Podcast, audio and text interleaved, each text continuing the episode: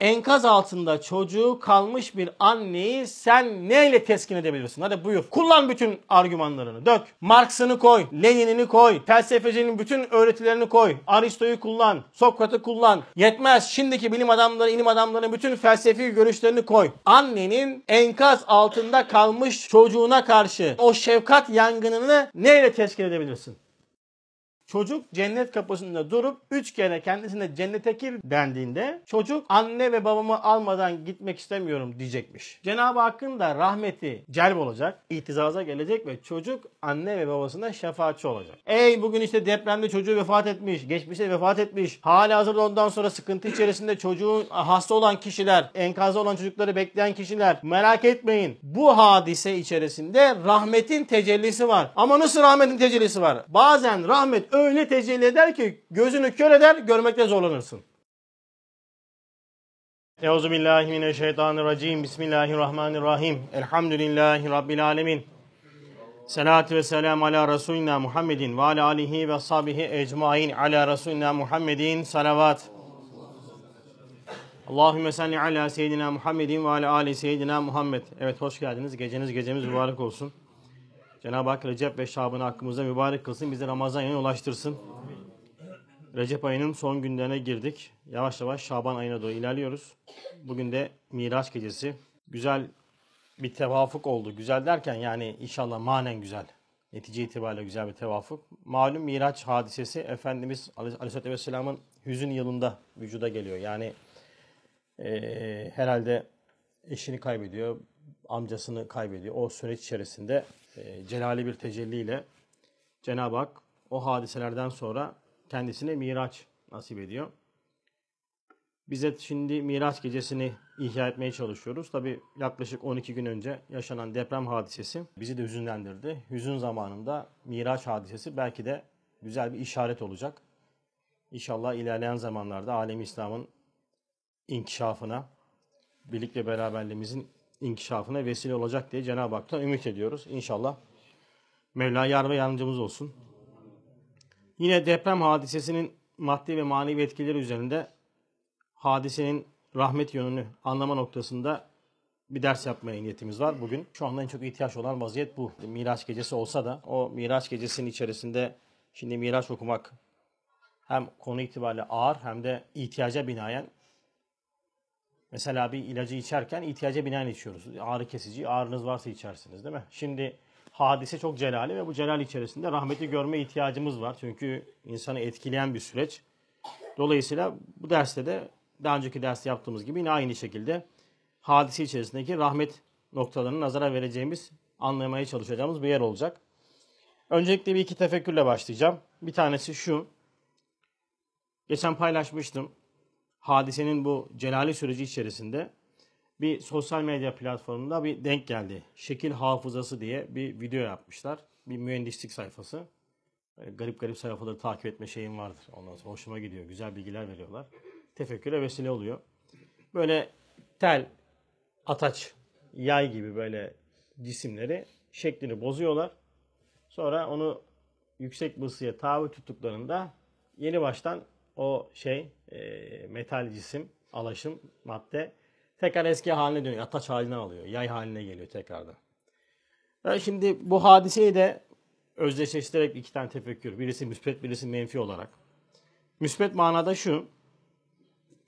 Şimdi çok şeyleştirdiğimiz bir kesim var bizim. Z kuşağı da ifade ettiğimiz. E, yeni nesil, new generation. Bunları tabii biz hunharca ondan sonra eleştiriyoruz. Bazı haklılık paylarımız olsa da bazen ölçüyü de kaçırıyoruz demek ki. Fakat bu süreç içerisinde şunu gördük. Bu kesim, bu genç kardeşlerimiz elhamdülillah bu süreçte hamiyeti milliyeleri değil mi itizaza geldi. Şefkatleri, merhametleri açığa çıktı. Yani zahirde bakıyorsunuz birçok hadise, birçok öğretiyle şekilleri değişmiş gibi gözükse de özlerindeki o mübarekiyet, özlerindeki güzellik duruyormuş demek ki. Bu cenali tecelli sıcaklık vurunca tekrardan elhamdülillah eski vaziyetlerine döndüler. Ha demek oluyor ki aslında biz bundan şunu kendimize pay biçmemiz lazım. Bu kuşağa biz İslamiyet'i doğru anlatabilirsek, doğru yaşayarak ve doğru şekilde anlatabilirsek demek ki bunların elhamdülillah şekle girmeleri, tekrar e, o özlerine dönmeleri zor olmayacak. Bu hadise bunu gösterdi. Yani aslında bizim için güzel bir ümit e, kapısını arladı elhamdülillah. Diğer bir noktada da tabii bu şimdi okuyacağımız yerde biraz menfi bir tefekkür. Yine aynı kanuniyet üzerinde yani şekilleri bozulan cisimlerin ısıyla beraber tekrar eski haline dönmesi kanuniyeti üzerinden. Şekil hafızası kanuniyeti üzerinden.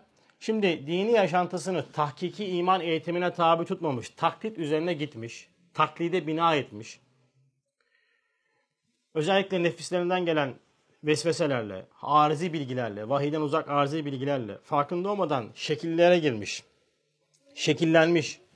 Fakat tak, taklidi din yaşantısıyla, örfe dayanan din yaşantısıyla, adete dayanan din yaşantısıyla bunu muhafaza etmeye çalışan insanlar da bu yüksek celali ısıyı yiyince farkında olmadıkları o bozuk şekillerine aniden dönüş yaptılar. Bir numunesini vereyim. Samsun'daydık. Bir abinin abiyle beraber muhabbet ediyorduk. Bu abinin bir yakın arkadaşı bu deprem bölgesine gitmiş yardım dağıtıyor. O da telefon açmış hani biz gidemedik adamlar gittiler bir teşekkür edelim, tebrik edelim diye. Demiş ki abi Allah sizden razı olsun falan. Demiş niye Allah benden razı olsun demiş ya. Ben Allah rızası için yapmadım ki bu iş. Abi diyor ki ben şaşırdım diyor Allah Allah ne diyor bu adam yani. Kafasını kafayı mı yedi ya. Abi demiş yani gittin orada yardım ediyorsun. Allah razı olsun. Kardeşim diyor bu depremi kim yaptı? Allah. Ben niye onun bozduğunu yapmak için uğraşayım ki diyor. Ben buraya tamamen vicdanım için geldim. insaniyetim için geldim diyor. Abi diyor ki abi diyor böyle değildi bu adam. Böyle değildi o adam. Nasıl oldu? Bu adam böyleydi. Farkında değildi o. O şekillenmişti arzi bilgilerle, oradan buradan bilgilerle farkında olmadan farkında olmadığı bir şekle bürünmüştü. Ona karşı direnç gösteriyordu. Ne vakit ki yüksek bir ateş geldi, nasıl ki özüne döndürüyordu. O da ne oldu? Farkında olmadığı şekle büründü. Hepimizin kalbinde nifak tohumu var, takva tohumu var, iman tohumu var, küfür tohumu var. Ve eğer biz nereyi beslemişsek, en çok nereye eğitim önem vermişsek, en çok ne taraftan bilgilerle kendimizi donatmışsak, bu tür yüksek ısı hükmündeki celali tecelli alttan vurunca tak diye şekline bürünüyorsun. Farkında olmadığın şekle bürünüyorsun. O yüzden süreç çok tehlikeli. Şu anda bu deprem hadisesi kiminin imanını inkişaf ettirirken bakıyorsun musibete düşmüş, çocuğunu vefat etmiş, evi yıkılmış ama diyor ki elhamdülillah Cenab-ı Hakk'ın takdiridir diyor. Ondan sonra sabrediyor bak imanını inkişaf ettirir. Kimisi Allah razı için yardım yapıyor. Maddi manevi yardımlar yapıyor. İmanı inkişaf ediyor. Kimisinin de ne oluyor bakın küfrü, nifakı ortaya çıkıyor işte. O yüzden taklidi iman, tahkiki iman eğitimi çok önemli. Farkında olmadan girdiğimiz şekle aniden dönüş yapabiliriz. Bir bakarız bugün bu saf bu saflarda daire içerisinde, İslam içerisinde gözükürken hadislerde geçiyor. Bir hadise, bir olay bizi alır tak diye karşı tarafa atar. O yüzden bu eğitimin önemine çok dikkat etmek lazım. Cenab-ı Hak inşallah bu tahkiki iman eğitiminin önemine e, anlayana da eylesin bizleri. Şimdi konumuz şu. Özellikle yaşadığımız süreç içerisinde birçok vefat oldu, birçok e, yıkım oldu. Celali bir tecelli dedik ya. Ama şöyle bir şey var. Bu noktada en çok bizi üzen noktalardan bir tanesi de çocukların vefatı. Çocukların enkaz altında kalması, şehit olmaları. Bununla ilgili birkaç noktayı nazar vermiştik ama bu dersimizi onun üzerine bina edeceğiz. Çünkü özellikle çokça bu noktada e, ciddi şekilde kayıp yaşayan, çocukları vefat eden insanlar var. Bu çocuk vefatı üzerinden bir kanuniyet okuması da yapacağız. Şimdi üç tane ayetin tefsiri var bu okuyacağımız yerde. Birisi şu. Öncelikle hüküm Allah'ındır. Yani el hükminillah ayeti. Mümin suresi 12. ayette geçiyor bu. Diğer bir ayette hepimizin bilmiş olduğu e, Bakara suresinde geçen 155 ve 156. ayetlerde geçen sabedenlere müjdele onlar başlarına bir musibet geldiğinde Allah'tan geldik dönüş yine onadır derler. Bismillahirrahmanirrahim. İşte kavlu inna lillah ve inna ileyhi raciun. Hepimizin duymuş olduğu, bilmiş olduğu, ezberlemiş olduğu bir mana. Çok önemli bir ayet-i kerimedir bu. Çok ciddi bir şuur içerisinde barındırır. Kim ki diyor işte ayağa taşa takılsa dahi diyor bu ayeti söylediğinde ona bir ecir, bir sevap yazılır. Ne demektir bu? Yani sen ayağın taşa takıldığında küfrederken o hadiseyi mesela olan kim koydu bu taşı buraya falan derken aslında farkında olmadan o hadiseyi Cenab-ı Hakk'ın ilminden, iradesinden, kudretten dışarı taşıyorsun. O yaptığının farkında olmuyorsun. Ama ayağın taşa takıldı ve inna lillah ve inna ileyhi raciun dedin ve ne de yaptın? O hadiseyi imanla Cenab-ı Hak'la ilişkilendirip onun üzerinden okudun. Bu da senin tahkiki imanının göstergesidir. Bakın böyle bir cüzi bir kelam bile bizim bu noktada bir manevi terakkimize vesile oluyor. Bu ayet-i kerimenin tefsirini yapacağız bu derste. Son olarak da yine Vaka suresinde ve İnsan suresinde geçen Vildanun Muhalledun ayet-i kerimesi ebediyen yaşlanmayacak çocuklar. Yani şu iki ayet öncelikle bizim musibetlere bir imanı bakış açımızı tanzim edecek. Bu iki ayet. Hüküm Allah'ındır ve sabedenlere müjde. Müjdere onlar başlarına bir musibet geldiğinde Allah'tan geldik yine dönüş yine onadır derler. Bu iki ayet-i kerime genel musibetlere bakış açımızı tanzim ediyor. Şu ayet de özellikle de bu musibetler içerisinde belki en cenalisi. Allah muhafaza eylesin hepimizin çocuklarını ama e, takdir ilahi e, çocuk vefatı üzerinde kendimizi e, nasıl kontrol edip nasıl bir imani reaksiyon gösteririz noktasında bir ölçü verecek. Yani 3 tane ayetin tefsirini yapacağız 17. mektupta.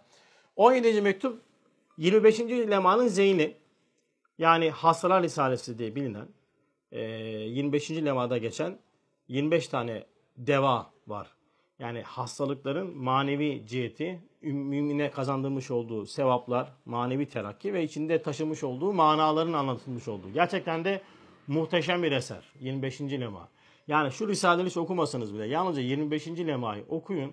Yani az bir şey üzerine çalışma yapın. Hayatınızda birçok noktaya imani bir nazar ile e, bakıp birçok noktadan elhamdülillah aradığımız o e, mana derinliğini o mananın vermiş olduğu rahatlığı yakalayabiliriz. Çok güzel bir eserdir. Bunun zeyli, bunun eki aslında e, okuyacağımız yer.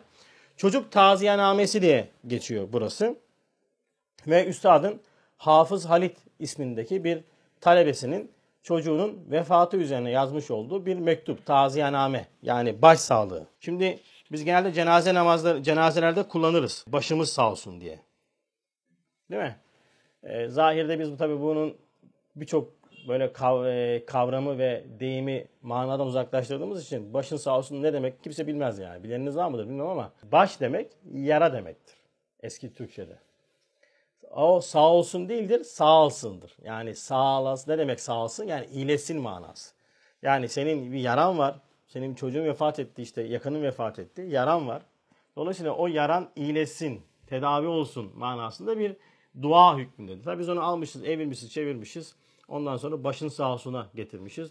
Yani söyleyen ne söylediğini bilmiyor. Amin diyen de niye dediğini de bilmiyor. Böyle gidiyoruz yani birçok şey olduğu gibi. Çok böyle şey e, kelimeler zamanla, mürürü zamanla e, böyle yuvarlanmış, anlamsız hale gelmiştir. Türkçe'de çok var böyle kelimeler.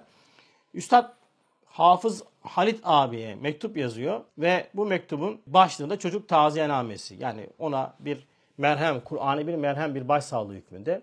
Diyor ki kardeşim çocuğunun vefatı beni müteessir etti. Çocuğunun vefatını öğrendim. Beni müteessir etti, üzdü. Fakat el hükmü lillah kazaya rıza, kadere teslim İslamiyet'in bir şiarıdır. Şimdi mektubun başlangıç cümlesi, kelimesi önemli cümlesi diyelim. Yani şimdi çok ihtiyacımız olan ve çok ciddi şekilde savrulmalara sebebiyet veren bir nokta. Kazaya rıza, kadere teslim İslamiyet'in bir şiarı olması. Şimdi kader konusu, kader konusu ümmetin içerisinde çok ciddi şekilde savrulmalara sebep olmuş bir hakikat. İmanın hükünden bir tanesi.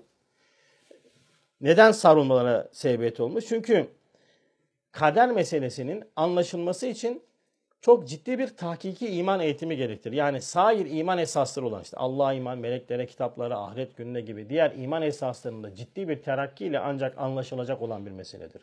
Ve bu anlaşılmak da sakın olarak şey yapmayın. E, böyle ilmi ve nazari şekilde iki kere iki dört eder derecesinde ilmen böyle ispat edebileceğiniz bir şey değildir. Bunu Üstad 26. sözde Kader Risalesi'nde şöyle ifade ediyor ki kader ve cüz-i ihtiyari İslamiyet'in ve imanın nihayet hududunu gösteren İslamiyet'in ve imanın nihayet hududunu gösteren hali vicdani bir imanın cüzlerindendir. Yani o diğer iman esaslarına ciddi bir terakkiyle anlaşılacak olan meseledir. Bunu anlaşılmadan, bu ciddi bir terakki elde etmeden kader üzerine konuşmak Efendimiz Aleyhisselam tarafından yasaklanmıştır.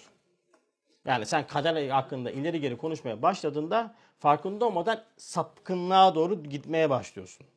Şimdi anlatacağım nasıl olduğunu. Yani ne demek bu? Abiler kader konusu iman esasları içerisinde ne derler eğitimde böyle şey vardır ya üst sınıflar. Doktora gibi böyle yüksek lisans seviyesinde bir bölümdür. Sen daha ilkokul talebesisin imani noktada söylüyorum. Ciddi bir tahkiki iman eğitimine tabi olmamışsın. Buradan gidip de kader üzerine konuşmak tamam mı? Alttan ders olduğu sürece mümkün değildir. Peki şimdi diyeceksiniz ki abi o zaman biz nasıl iman edeceğiz? Diyeceksin kardeşim kadere iman noktasında her şey Cenab-ı Hak tarafından tayin edilmiştir. Bana da cüz'i ihtiyar verilmiştir. Ben bunu bilirim. Bundan daha fazla bir şey söyleyemem. Çünkü kelamlar, kavramlar ilerleyen zamanlarda ağızdan dökülmeye başlayınca itikadi noktalara temas etmeye başladı. Bakın itikadi noktaya temas eden şeylerde ağzımızı, dilimizi tutmamız lazım. Çünkü fiili düzeltebilirsiniz. Mesela namazınızda bir hata, bir kusur varsa onu düzeltebilirsiniz. Hatta belki yani Cenab-ı Hak bilmediğinizden dolayı affeder ama kazasını da yaparsın, kurtarırsın. Çok da bizim gibi böyle ahir zaman Müslümanlar irdelemezler bu noktada. Ama itikat öyle değil ki. İtikat can damarıdır. İman esası işin bel kemiğidir, omurgasıdır, temelidir. Buraya temas eden bir şüphe, buraya temas edecek kelam insanı manen helak edebilir. O yüzden dikkatli olacağız. O yüzden ne yapacağız? Kardeşim kader konusu nedir? Kardeşim kaderi konuşmadan önce gel bir Allah'a bir konuşalım. Senin itikadında Allah ne durumda? Allah deyince ne anlıyorsun? Ahiret deyince ne anlıyorsun? Peygamber deyince ne anlıyorsun? Melaike deyince ne anlıyorsun? Bütün bu boşlukları sağlam doldurduktan sonra kader artık yavaş yavaş insanın iç aleminde, iç dünyasında olarak anlaşılacak olan bir şeydir. Mesela böyle olacaksınız kader. He olacaksınız. He böyleymiş olacaksınız. Yani bununla ilgili benim meşhur bir hikayem var. Biliyorsunuz hani bu televizyon almıştım. Yani Sony'nin üzerinde kutuyu açtım işte sen söyle adam yazmış 444 Sony servis. Allah Allah diyorum lan koca Sony diyorum nasıl numara yazmaz diyorum şeyin içerisinde hani yetkili servis numarasını yazmaz veyahut da müşteri hizmetlerini yazmaz. Adamlara saydırdım bir dünya neyse e, allem ettim kullem ettim buldum adamları çağırdım televizyonu kurdurttuk. Bir sene iki sene sonra yıldızdan aşağı inerken halama bayramlaşmaya gidiyoruz. Yazmış adam onu işte bir İstanbul Dent yazmış ama dentin üstüne de işte rakamları yazmış. Altına dent yazmış. 444 dent yazmış. D'nin üzerine işte 2'yi koymuş. E'nin üzerine işte onu koymuş. Ben baktım. He dedim ya. Aa, bizim amcaoğlu da yanımda öyle din de çok fazla da sıkı fıkı değildir yani. Dedi hayırdır dedi birader. Dedim abi dedim ya yeni anladım ya. Oğlum neyi anladın lan dedi. Dedim abi bak böyle böyle Sony dedim. Tamam böyle bir şey göndermişti. Paketten böyle çıktı. Meğerse o Sony rakanmış. Bilmiyor musun? Bilmiyordum işte de öğrendim. He oldum işte. Bak ne oldu? Oldum. Yani olarak öğrendim, gördüm, anladım. Kaç sene sonra? İki sene sonra. Ama tabii orada ben Sony'ye bir dünya yazdım, giydirdim vesaire. Aynı şey de bizim başımızda olur bu kader noktasında. Ciddi bir tahkik iman eğitimi olmadıktan sonra hasreten de böyle musibetler anında ilk çarpmada biz hemen ne yapıyoruz? İsyan, şekva, küfür, tak gidiyor. O yüzden ciddi bir terakki lazım. Ciddi bir eğitim lazım. Onun neticesinde kader anlaşılacak olan meseledir. Şimdi kaderin anlaşılmasını zorlaştıran bir nokta daha var. Şu, kader Allah tarafından yazılmış ana programdır. Her şey ona göre olur. Doğru mu? Bir de karşımda cüz'i ihtiyarı çıkıyor ama. Bir de cüz'i ihtiyarın var senin. Ama her şey Cenab-ı Hak yazıyorsa, benim cüz'i ihtiyarım varsa bunu ben nasıl birleştireceğim? Yani her şeyin tek noktadan idare edilmiş olduğu bir saltanat içerisinde, tamam mı? Hiçbir e, esbabın zahiri tesirin olmadığı bir noktada benim cüz ihtiyarım ve nasıl konumlandıracağım? Bak bunlar hepsi çok ciddi sorulardır. Şu anda bakın özellikle deprem hadisesinde yaşanan en büyük hadise bu. Bir tarafta kadere verip sorumluluklar üzerine atan bir güruh var. Diğer tarafta kader model dinlemeyip her şeyden esbab üzerinden siyasal ondan sonra uzantılarını tatmin eden bağısıp çağıran bir güruh var. Her ikisi de doğru mu? Hepsi doğru söylüyor. Kader diyen de doğru söylüyor. Esbabı suçlayan da doğru söylüyor. Lan nasıl olacak bu iş? E böyle işte kader noktası bu. Şimdi kaderi bana neden vermiş? Bakın kaderin bana verilmesinin sebebi şudur. Kusurları derute etmektir. Eğer ben kusurları, hataları kendime alamazsam, almazsam kaderi yanlış yorumlarım. Ne demek bu? Bakın bir vuku'a genel bir hadise var. Ben o hadise içerisinde şartı adi olarak kendi kusurlarımı alacağım. Kendi kusurlarımla yüzleşeceğim. Ama diyeceğim ki bunu yapan Allah'tır fakat cüz-i ihtiyarında buna ben sebebiyet verdim. Ve cebriyeden kurtulacağım. Diğer taraftan da esbaba tesir de vermeyeceğim. Ne fay hattıdır, ne odur, ne budur. Bunu yapan Allah'tır ama burada yapılması gerekenler vardır. Bunlar yapılmamıştır. Bununla ilgili sorumluluğumuzu araştıralım, bulalım, sorumluluğu bulalım ve cezasını verelim ama yapanın Allah olduğunu unutmayacağız. Yani Cebriye ve Mutezile diye iki tane güruh böyle ayrılmış İslamiyet içerisinden. Bir tanesi mesela bir çok da yaparız biz. Bir şey olur ya kaderimizde bu varmış deriz. Hemen de he tabi tabi kader kader. Sen tabi şey yapma kader. E kader. Ha bunu kaderimizde varmış diyen adam niye söylüyor? Kusurunu görmemek için söylüyor. İşte bir şey oluyor. Tamam mı? Bir şey yapacağız şimdi biz burada. Örnek vereyim. Kardeşim ben sana devaatle demişim ki bak kameranın pilini ayarla vesaire. Ders yapıyor. Uzun ders sürüyor falan filan. Adam pil ayar... Abi şey... Abi işte yapacak bir şey yok. Kader böyleymiş. Ha, şimdi bak bunu sen böyle kaderi alıp tamam mı? Cebriye böyle kılıfın üzerine geçirirsen o olmaz. Orada sen diyeceksin ki evet abi bu kadermiş ama benim hatam var. Ben bunu dikkat etmedim, vazifemi ifa etmedim. Bunda sorumluluk bana aittir, mesuliyet bana aittir. Yoksa topu kader atmak için verilen bir rükün değildir. Ona rağmen bakın şöyle bir şey daha var. Üstad kader esasında diyor ki manen diyor terakki etmeyen avam içinde kaderin cai istimali var. Yani bir kullanım şekli var. Manen terakki etmeyen bizler içerisinde kaderin kullanım şekli bile bizi bir parça rahatlatıyor. O da maziyet ve mesahiptendir ki yesin ve hüznün ilacıdır. Mesela bakın çoğu ciddi bir terakki etmemiş. Yani din noktasında ciddi bir uğraş içerisine girmemiş. İnsanların hadise yorumlama noktasına bakıyorsun. Diyorsun ki abi işte ne oldu nasıl oldu falan. Kaderimiz böyleymiş diyor. Kaderimiz böyleymiş derken bile bir rahatlık içerisinde. Bir ferahlık veriyor. Doğru mu? Bu doğru bak çok güzel bir şey bu. O yüzden kader büyük bir nimettir. Hüznün ve yesin ilacıdır. Ama kesinlikle ve kesinlikle suçun adrese gönderilip Cenab-ı Hakk'ın suçlama merkezi değildir. Veyahut da insanın kendindeki kusurlarla yüzleşmekten kaçmış olduğu nurani bir kılıf değildir kader. Bunu bileceğiz. Ama vuka gelmişse bu kaderdir. Şu an bu deprem vuka geldi, kaderdir. Nasıl kader olur ya bu insanların suçu yok mu? Ben suç yok mu demiyorum ki bak hala anlamıyor insanlar. Ya bunların ciddi şekilde IQ seviyesi çok düşük ya da e, böyle aşırı derece siyaset ve ideolojiyle uğraşmaktan kavramları hiçbir şekilde dinlemiyorlar. Bir ön yargıları var. Diyorum ki bak derste özellikle ifade ediyorum ha. Diyorum ki bak kardeşim böyledir. Suçlunun cezası verilmesi lazımdır. Evet kaderdir ama kader şart adi olarak cüz itiyari takip eder. Bu sorumluluklar suç kiminse bunun yargılanması, edilmesi önümüzdeki süreçte de bunun üzerine bir şey inşa edilmesi lazım diyorum. Yok diyor sen diyor siyaset yapıyorsun diyor işte bu tarafı koruyorsun. Lan ne tarafı niye koruyayım ben ya? Enteresan bir yapı yani. Kaderi anlamayıp savruluyor itikadi olarak farkında değil. Ya bir yere zemine oturtmaya çalışıyorsun meseleyi. Zemini bile reddediyor adam.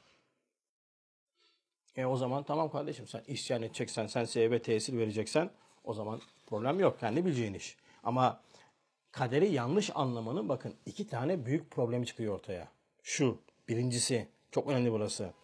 Bende gözüken ve nefsi emmaret taşımam cihetiyle bana ait olmayan istihdam edildiğim hayırları ben kaderi doğru anlamazsam sahiplenmeye başlıyorum. Sahiplenmeye başlıyorum. Bak burasına dikkat edin. Sahiplenmeye başlıyorum işte. Ben anlatıyorum, ben koşturuyorum, bak ben yapıyorum. Siz ne yapıyorsunuz, ne anlatıyorsunuz, ne işiniz var sizin, evde köz köz oturuyorsunuz, ne olur sizden diye. Bak ben bütün ne yaptım, hayrı sahiplendim. Kaderi anlamadım ben. Ayetin ifadesi başınıza ne hayır gelmişse o Allah'tandır. Başınıza ne şer gelmişse o sizin yüzünüzdendir. Hayırları sahiplenmek kaderi yanlış anlamaktır. O yüzden kader noktasında Cenab-ı Hak bize ne diyor? Ben ne zamanki hayırları sahipleneceğim Cenab-ı Hak kaderi diyor ki bu senin kaderin. Hayırları yaratan benim. Hayırlar vücudidir. Mesela bugün şu dersin olması için en az 100 tane sebep sayabilirim ben. O 100 sebep içerisinde hepimizin payı şartı adi hükmünde. Çok cüz'i bir pay. Pay bile değil yani. Şimdi bu kadar külli bir hakikat içerisinde 0.001 hükmündeki kesbi, vücudu harisi olmayan bir payı hemen kabul edip hayrı sahiplenmek kaderi anlamamaktır. İkinci hatamız şöyle bir şey çıkacak. Hepsi benim olan. Bakın hepsi benim olan. Şimdi bir şey çıkıyor benim olan. Yaratılmasında sebep olduğum nefsi emmaremin neticesi olan günah ve kusurları reddetmeye başlıyorum. Hayırları sahipleniyorum. Bak hayırları sahipleniyorum.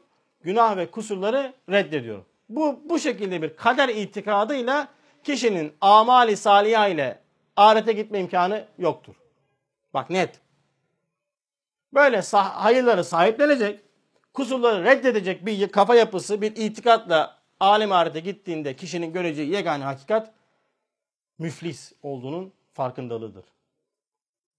Şunu yaptım, bunu yaptım, bir gideceksin ne yaptım? Hiçbir şey.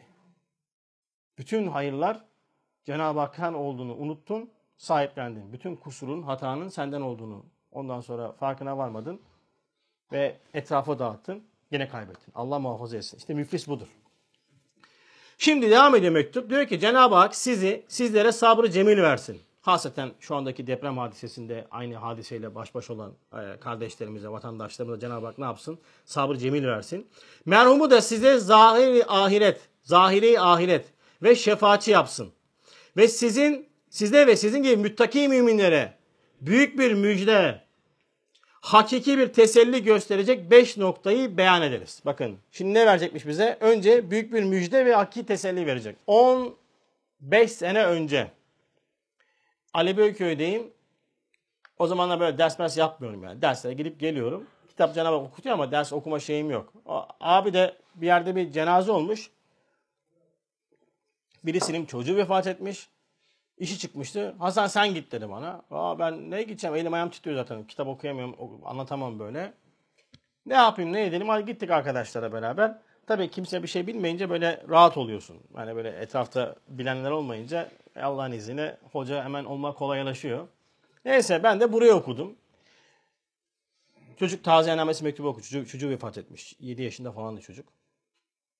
Ondan sonra yarın da adam mesaj yazdı bana. Herkes dedi, tabi ben oraya gittiğimde şunu demiştim ama. Girdik mesela, herkesin buraya başsağlığı için gelmiştir. Ama dedim ben dedim buraya müjde vermeye geldim dedim.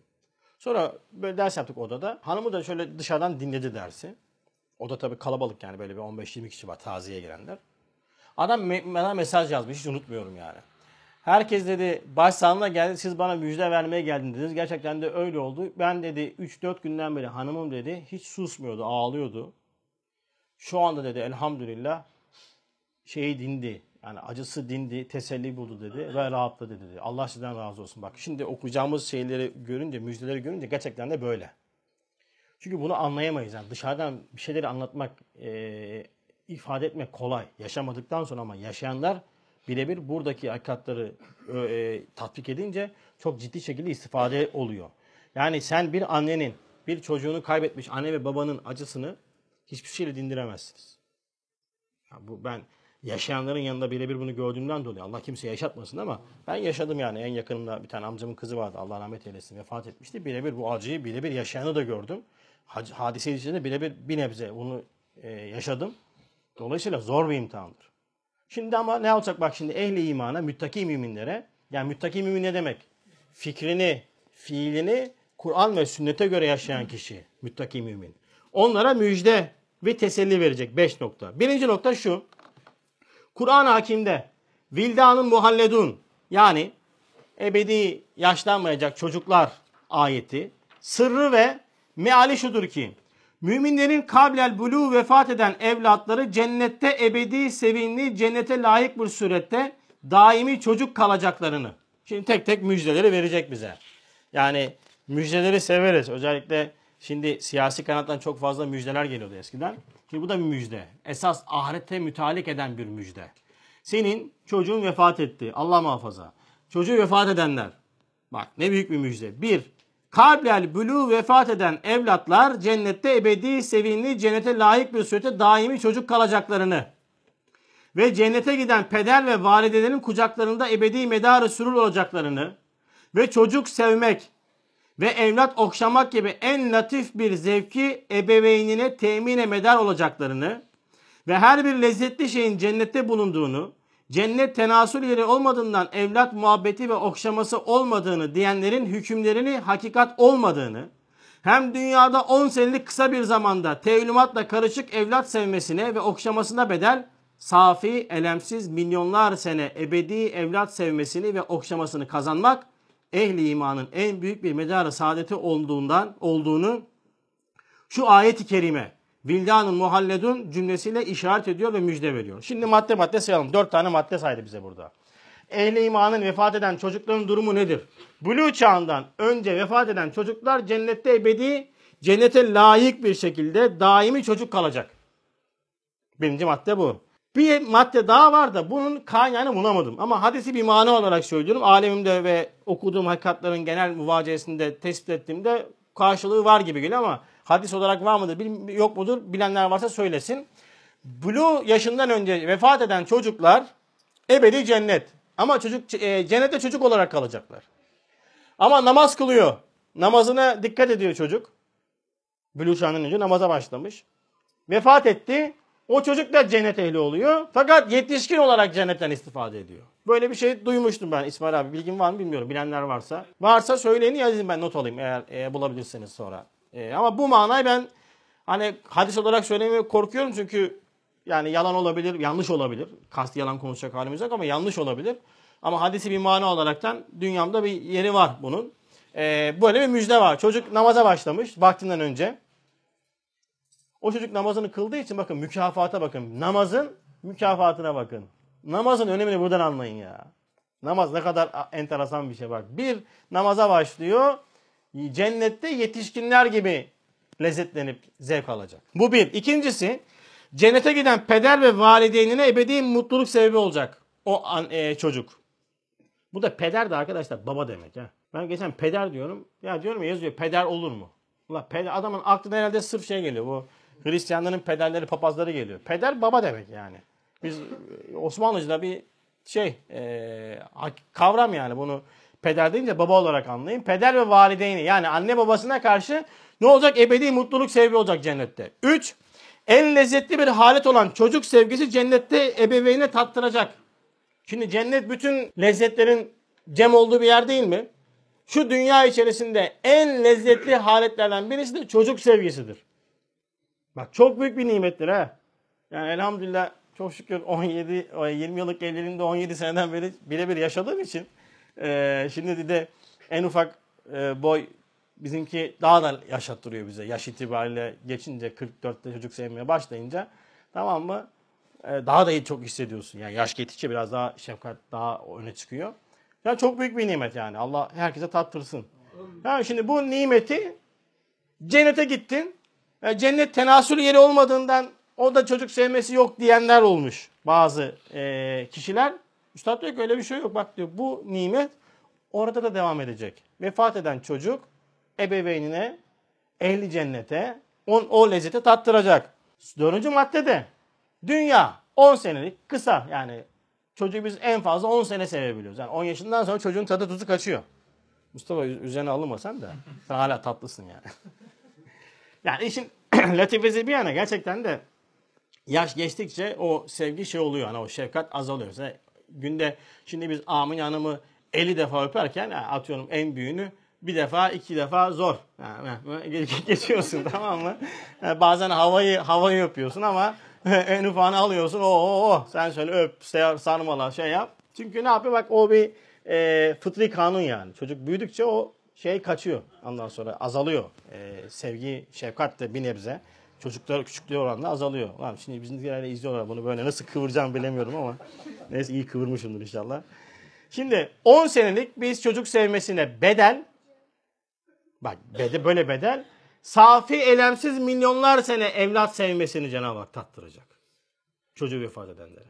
Bir tane hanımefendi yazmış şeyde bize grubu hatta şeyde e, sayfaya paylaştık. İki tane çocuğumu kaybettim diyor. İşte derslerinize Allah razı olsun diyor. Ferahladım falan. Bak şimdi. iki tane çocuğu vefat etmiş. Hadiste üç tane çocuk, iki tane çocuk üzerinde hadisler var vefat edenler. Cennet. Hatta ve hatta çocuk düşürenlere bile var. Yani çocuk düşürülme noktasında bile diyor. Senden önce ahirete birisini gönderdiysen diyor 80 attı mı 100 attı mı diyor bir e, mücahit diyor sevabı vardı. İhya, e, İhya'da geçiyor. İmam Gazali Hazretleri almış e, hadis olarak. Şimdi bazı muhaddisler e, işte İmam Gazali'nin e, rivayet ettiği hadisleri zayıf olarak bakarlar. Üstad e, ne diyor İmam Gazali için? Hüccetül İslam diyor. İmam Gazali'de geçiyorsa biz de muteberdir Allah'ın izniyle. Biz muhaddis de ama bu hakikat var. E, rivayetlerde geçiyor. Bakın düşük olsa bile diyor. Düşük yapmış kadın. Daha hani çocuk daha dünyaya gelmemiş. Onda bile mükafat var. Onda bile mükafat var. Şimdi Bir yer düşünün. Bakın biz hepimiz şu amellerimizi yapmaktaki birinci maksadımız nedir? Cenab-ı Hakk'ın rızasıdır. Değil mi? Sonra cenneti istiyoruz. E, hadiste diyor Peygamberimiz isteyin. Değil mi? Cenneti istiyoruz. Cennet nasıl bir yer? Dünyanın bin sene mesudane hayatı bir saat hayatına mukabil gelmeyen bir cennet hayatı var. Dünyanın bin sene mesudane hayatı. Beyni ziyade beyni bal olacak, balda olacak. Böyle rahat, imkanlarınızın zirvede olduğu bir hayat düşünün. Böyle bir hayatın bin senesi bir saat hayatına mukabil gelmiyor cennet hayatının. Cennetin dahi bin senesi, bin senesi bir saate, bir ana mukabil gelmeyen bir rüyetullah, Cenab-ı Hakk'ı görme nimetine mazhar olacağız. Böyle bir yer cennet. Kim var? Başta Peygamber Efendimiz Aleyhisselam, bütün peygamberler. Değil mi? Ee, sen şöyle ashab-ı kiramın toplanmış olduğu bir, me- bir mecra düşün. Böyle bir mecrada senin çocuğun vefat etmiş ve senin neslinden orada birisi var. Garanti. Elhamdülillah. Ya cüzi bir dünyevi makamı bir çocuğumuz, bir yakınımız işgal edince hemen övünüyoruz. Değil mi? İşte ya diyor işte şu şu bizim köylümüz. Benim oğlum oranın müdürü. İşte benim kızım oranın şeyi diyorsun değil mi? Bak hemen övünüyorsun. Bir dünyevi makam, bir dünyevi yerde bir yere gelmişse övünüyorsun. Ya böyle bir yere neslinden Cenab-ı Hak bir, iki, kaç tane götürmüşse götürmüş. Elhamdülillah. Ne büyük bir nimet değil mi? Ha bu istenecek bir şey midir? Hayır ama böyle bir şey verilmişse bunun içerisindeki rahmeti görmemiz lazım. Rahmet budur. Zaten bunu birebir olarak kim yaşamış? Efendimiz sallallahu aleyhi ve sellem yaşamamış mı? Oğlu değil mi çocukları vefat ediyor. Bizatihi kendi ondan sonra e, gömüyor. Çok büyük bir nimettir. Ama zor bir imtihandır. Celal ikram, Celal'in imtihanı ikramı da büyük olur. Bir fatura ne kadar yüksekse o fatura sahibinin o şey e, firma üzerinde, o kuruluş üzerinde hakkı farklıdır. Hep ben bunu kendine örnek veriyorum. Türksel. Değil mi? Platinyumsun. Adam ne yapıyor? Özel sana muamele yapıyor. Du eskiden. Şimdi artık kalmadı. Onlar da ekonomik krize girdiler. Yani sen söyle. Ben valla biliyorum mesela pasta. Ha, tabii kalemler pasta ayarlatıyor. Mesela doğum gün git diyor. Şurada işte şey böyle markalı bir pastaneden pastam var diyor. Tamam mı? Sallıyor, sallıyorsun. 3 GB, 4 GB internet adam 4 GB de bir ay geçiriyor. Sen sallıyorsun, veriyor. Sallıyorsun, veriyor. Ama diyor ki bu benim özel müşterim kardeşim. Bu adam faturayı yüksek ödüyor. Faturayı yüksek ödeyince ikram da büyük oluyor. Manevi sahada da böyledir. Cenab-ı Hak zahirde büyük imtihanlara tabi tutmuş olduğu hiçbir kulunun mükafatını cüzi vermez. Yeter ki sabredenlere müjdele ama. Sabır nasıl olacak? Bakın sabır içeriğini okumakla olur. Hadisenin içeriğini okumakla sabır olur. Sabır bir şey okundukça oluşacak olan bir halettir. Bakın şuna bir örnek vereyim. Bir mesajı okuduğunuzda mesajın içerisinde yazılı olan şeye karşı bir reaksiyon oluşturursunuz. Mesela ben şimdi Hüseyin'e mesaj yazıyorum. Ya Hüseyin sen ne gevşek adamsın, sen ne rahat adamsın, hizmete sahip çıkmıyorsun. Çok yazdım ben bunu Hüseyin'e de hiçbir şey olmadı. Olsun bir daha söyleyeyim şimdi. tamam mı? Böyle yazdım Hüseyin şimdi mesajı okusa. Ne oldu? Suatında bir değil mi üzüntü, ondan sonra bir gerginlik, bir hal oldu. Niye? Mesajı okudu. Okumuş olduğu mesaja karşı bir reaksiyon geliştirdi. Şimdi aynı Hüseyin'i ben diyorum ki Allah Hüseyin senden razı olsun. Gayretlisin, hamiyetlisin, dershanemize sahip çıkıyorsun, meditasyona sahip çıkıyorsun. Falan diye böyle yazdım. Ne oldu Hüseyin? Sonra Hüseyin mesajı okudu. Hüseyin okudumuş olduğu mesajda tebessüm oluştu. Evet sabır bakın sabır hadiseyi okumakla okuma şeklinle oluşacak olan bir şeydir. Hadiseyi gördün, çocuğun öldü, deprem oldu, zelzele oldu, başına bir şey geldi. Sen o hadiseyi Kur'an'ı bir nazarla, sünnet üzerine göre okuduğun anda oluşacak olan haletin adı sabırdır. Eğer sabır oluşmazsa, bakın sabır oluşmazsa isyan oluşmaya başlar. Şekva oluşmaya başlar. O yüzden sabır bizim bildiğimiz gibi diş sıkmak değildir. Böyle sabır göster. Tamam gösteriyorum. Sabır göster. Tamam gösteriyorum. Bir yere göster. Ondan sonra bir yerden bir conta atar. Bir frekans atar. Bir sigorta atar. Dersin ki hop beni hep beni bulacak. Allah muhafaza gidersin. Çok tehlikeli, çok ciddi yani. Üzerine çalışma yapılması gereken bir hakikattir sabır. İkinci nokta. Şimdi çok güzel bir misal verecek. Harika bir örnek. İyi dinleyin. Bir zaman bir zat bir zindanda bulunuyor. Bir zaman bir zat bir zindanda bulunuyor. Sevimli bir çocuğu yanına gönderilmiş. Kendinizi hayal edin. Hapishanedesiniz. Hapishanenin ortamını düşünün. Hayal meyal. Bir de onun yanına çocuk verilmiş sizin yanına. Çocuğunuz verilmiş. O bir tane mahpus hem kendi elemini çekiyor hem veledinin istirahatını temin edemediği için onun zahmetiyle mütelim oluyordu. Hapishanedesin. Bir kendi dertlerinle uğraşıyorsun. Hapishane şartları zor. E, yemek belli zamanda geliyor, kısıtlı. Temizlik imkanları belli zamanda kısıtlı vesaire. Sen şimdi hem kendi derdine dertleniyorsun hem de çocuğunun derdiyle dertlenmeye çalışıyorsun. Böyle bir vaziyet hayal edin aleminizde. Sonra o merhametkar hakim bir adam gönderir der ki şu çocuk Çendan senin evladındır. Fakat benim rayiyetim ve milletimdir. Oranın sorumlusu, idarecisi senin bu vaziyetini görüyor diyor ki ya diyor bu çocuk diyor senin çocuğun ama senin çocuğun ama sonuçta benim benim devletimin unsuru ve benim rayiyetim bu. Değil mi? Bugün benim çocuğumdan ben sorumlu olduğum gibi atıyorum e, reisi cumhur da sorumlu değil mi? Başbakan da sorumlu. Hatta ne oluyor? Bir tane vatandaş için koca uçak kaldırıyorlar. Gidiyorlar alıyorlar adamı geri getiriyorlar. Niye? Diyor Türk vatandaşı diyor bu. Bu kadar mı? O kadar. Çünkü bir milleti simgeliyor yani. Şimdi böyle bir şey benim vaziyetimi görüyor o merhametkar hakim. Diyor ki ya sen çocuk senin ama bu benim rayiyetim. Dolayısıyla ben bu çocuğu senden alacağım. Güzel bir sarayda beslettireceğim diyor. Ben de ne yapıyorum? O adam ağlar sızlar. Benim medarı tesellim olan evladımı vermeyeceğim der. Ben de şimdi diyorum ki yok abi olmaz. Ya, hocam alma yani hakim bey işte. Reis cumhur alma. O benim burada oyalanıyorum ben bununla. En sevdiğim, tek sevdiğim şey. Sonra ne oluyor bakın. Ona arkadaşları der ki senin teessüratın manasızdır.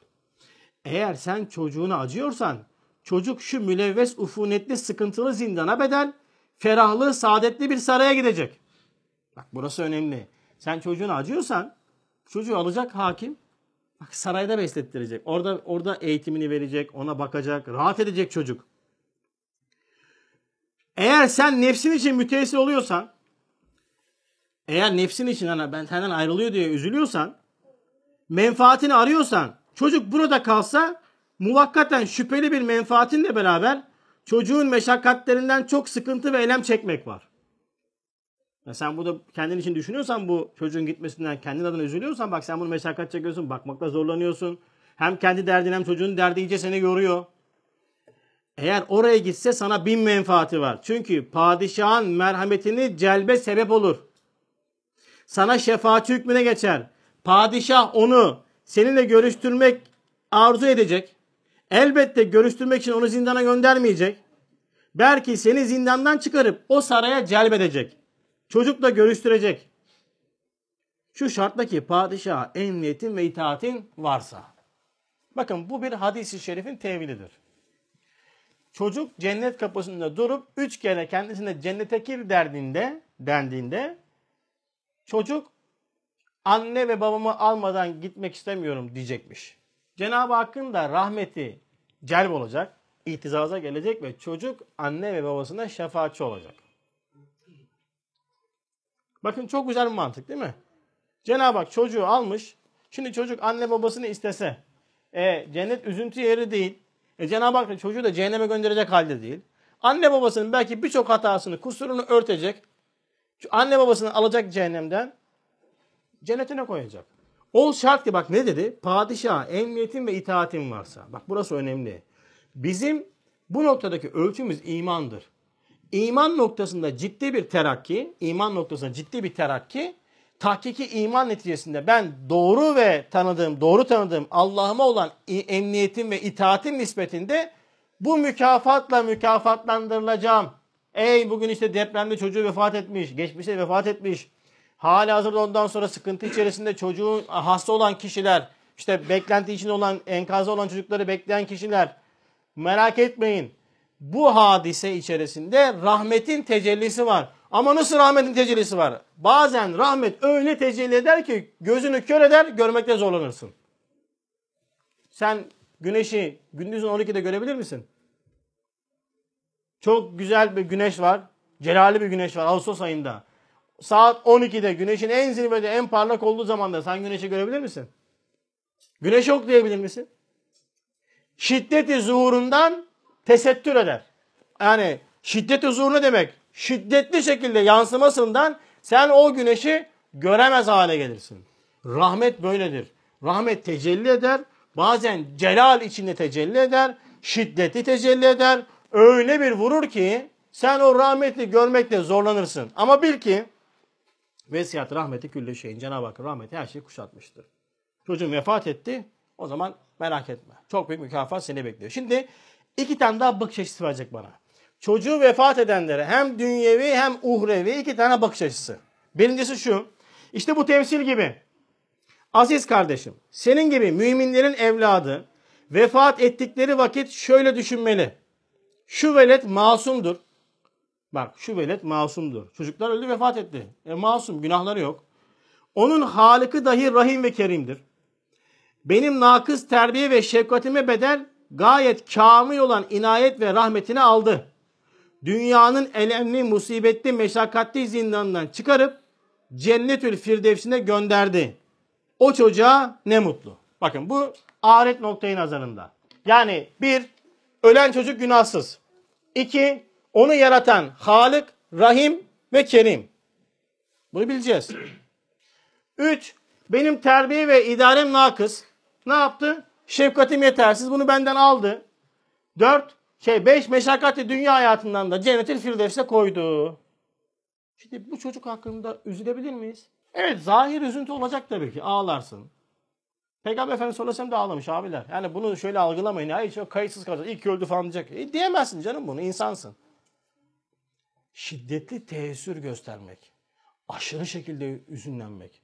Bizim ölçümüz ahirettir.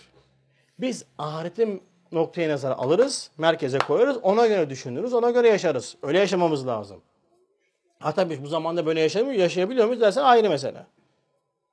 Biz genelde bütün e, şeyimizi buna dünyaya göre yapıyoruz. Ama olması gereken şey nedir? Esas olan yer ahirettir, ona göredir.